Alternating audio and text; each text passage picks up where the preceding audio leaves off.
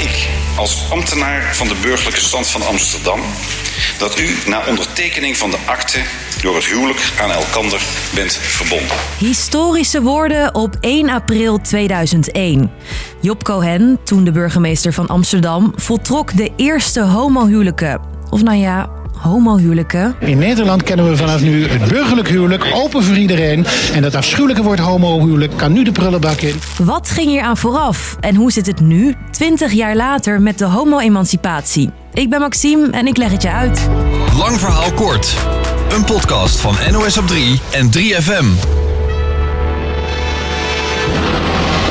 Dat homo's dezelfde rechten krijgen als hetero's, moeten ze ook kunnen trouwen. Dat schrijft een commissie. De meerderheid van de Nederlandse bevolking, ruim 70%, heeft gezegd dat zij voor openstelling van het huwelijk U zijn. bent het toch met me eens dat het niet erg romantisch is als je voor je geliefde op de knieën gaat zitten. Wilt u geregistreerd met mijn partner in? En dan moet het kabinet gewoon daar wat mee gaan doen. En als het zover komt, Nou ja, naar Stadhuis Holland en trouwen natuurlijk. Tuurlijk. We beginnen bij het begin, eind jaren 90. De druk op de politiek wordt groter en groter. Homostellen kunnen geregistreerd partner worden, maar trouwen mag niet. En dat maakt hun leven er niet makkelijker op. Dubbele levensverzekering. We hebben acht polissen moeten fabriceren om dit huis te kunnen kopen. Broers en zussen moeten onterven om voor de partner alles veilig te stellen. Nou, dat hebben mensen die in een huwelijksrelatie leven niet. En daarbij vonden steeds meer mensen dat iedereen gelijk moet zijn voor de wet. Alle stellen moeten kunnen trouwen. Was wel wat kritiek op de plannen, want Nederland zou daarmee het eerste land ter wereld zijn met een huwelijk voor alle stellen. Er zouden andere landen gek van opkijken, dachten critici. Een huwelijk is iets anders dan een, eh, dan een vrouw-vrouw of man-man relatie. Helaas is dat zo, mevrouw. En ik kan ook zeggen, het is precies hetzelfde met een mannenkoor. En een mannenkoor, daar zingen alleen mannen. Als u daar vrouwen toelaat, dan is het geen mannenkoor meer. Het is min of meer hetzelfde. Ondanks die bezwaren komt het huwelijk voor homo's er. Een nieuw kabinet hakte eind jaren 90 de knoop door. De onderhandelaars voor een nieuw paars kabinet zijn het gisteren eens geworden over de invoering van het homohuwelijk. Een homohuwelijk en heterohuwelijk zouden dus niet eh, in vorm en in betekenis van elkaar eh, kunnen en mogen verschillen. En toen het s'nachts net 1 april 2001 was geworden, was daar dan het eerste jawoord tussen twee mensen van gelijk geslacht. En daarmee lopen we weer eens voorop in de wereld. Het is eh, een, vooral een emotionele kwestie die ook te maken heeft met, eh, met, met homo-emancipatie. De zoenen werden uitgedeeld tussen heel wat flitsen en camera's. Zelfs vanuit Japan kwamen journalisten op deze mijlpaal af. I think many of the Japanese people will be shocked. This would not be possible in Japan. During my life, no. In dat eerste jaar trouwden bijna 3000 homostellen. Inmiddels zeggen elk jaar ongeveer 1500 homo's en lesbiennes ja tegen elkaar. Het is al laat, bijna 1 uur. Hoe gaat de huwelijksnacht eruit zien? Je hoeft niet in details te treden.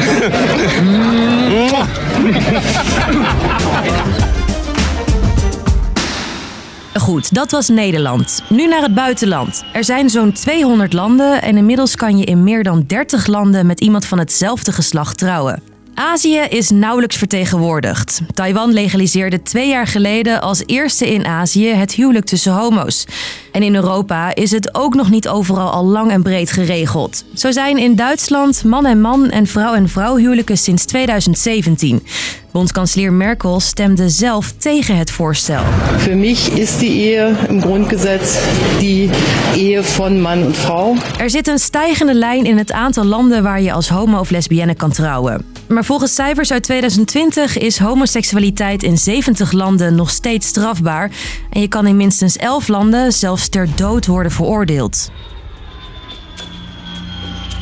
Terug naar ons. Hoe gaat het met de homo-emancipatie in Nederland? Een goede graadmeter is de Rainbow Europe Index. Daarin wordt gerankt hoe landen het doen op het gebied van mensenrechten voor de LHBTI-gemeenschap. Nederland staat op plek 13 van Europese landen. Dat komt omdat er bijvoorbeeld geen specifiek beleid is om homohaat aan te pakken.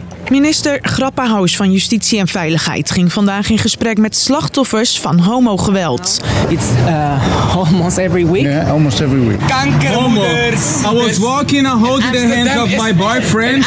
And then this guy said that we are uh, normal. Het geluid dat je net hoorde was vorig jaar in het nieuws. En ook drie jaar geleden was er ophef toen een kledingmerk een campagne lanceerde met zoenende mannen. Tientallen posters zijn besmeurd, beklad en beplakt. En sommige bushokjes zijn zelfs ingegooid door mensen die zoenende mannen op een poster maar provocerend vinden. Minister Grapperhaus gaf vorig jaar aan dat hij meer cameratoezicht wil om geweld tegen homo's tegen te gaan. Lang verhaal kort. Twintig jaar geleden trouwden in Amsterdam de eerste homostellen. Nederland was daarmee het eerste land ter wereld waar dat kon. Maar die koppositie is niet meer vanzelfsprekend als het gaat om homo-emancipatie.